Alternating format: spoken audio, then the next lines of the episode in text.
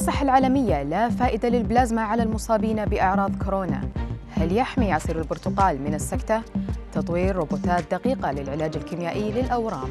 أبرز أخبار الساعات الأربع والعشرين الماضية في دقيقتين على العربية بودكاست. بعد أن تداولت الأخبار فوائد بلازما دم المتعافين بكورونا حسمت منظمة الصحة هذا الأمر ونصحت عدم استخدام بلازما المتعافين في علاج المرضى.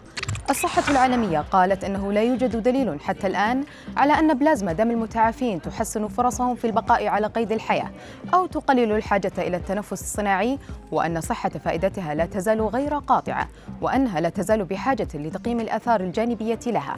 وترتكز فكرة العلاج ببلازما دماء المتعافين من كورونا على أن الأجسام المضادة لفيروس كورونا الموجودة بها يمكنها أن تحيد الفيروس وبالتالي تمنعه من التكاثر وتوقف تلف الأنسجة لدى المرضى. now. أثبت عصير البرتقال على مدى عدة دراسات فوائده العديدة لصحة الجسم التي لا تقتصر على إمداده بالمكملات الغذائية.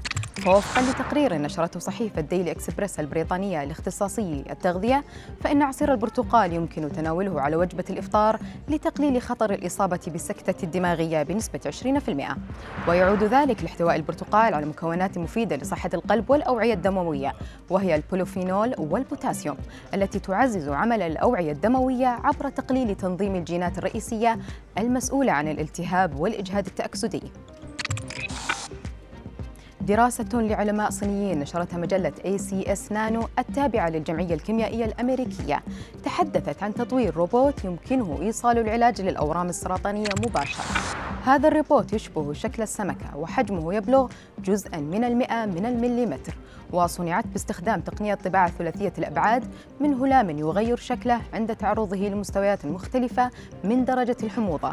يحقن هذا الروبوت في وعاء دموي ثم يتم توجيهه بواسطة المغناطيس إلى مكان الورم لتقديم العلاجات وهو ما يجنب خطر تدمير خلايا الجسم بالعلاج الكيميائي التقليدي.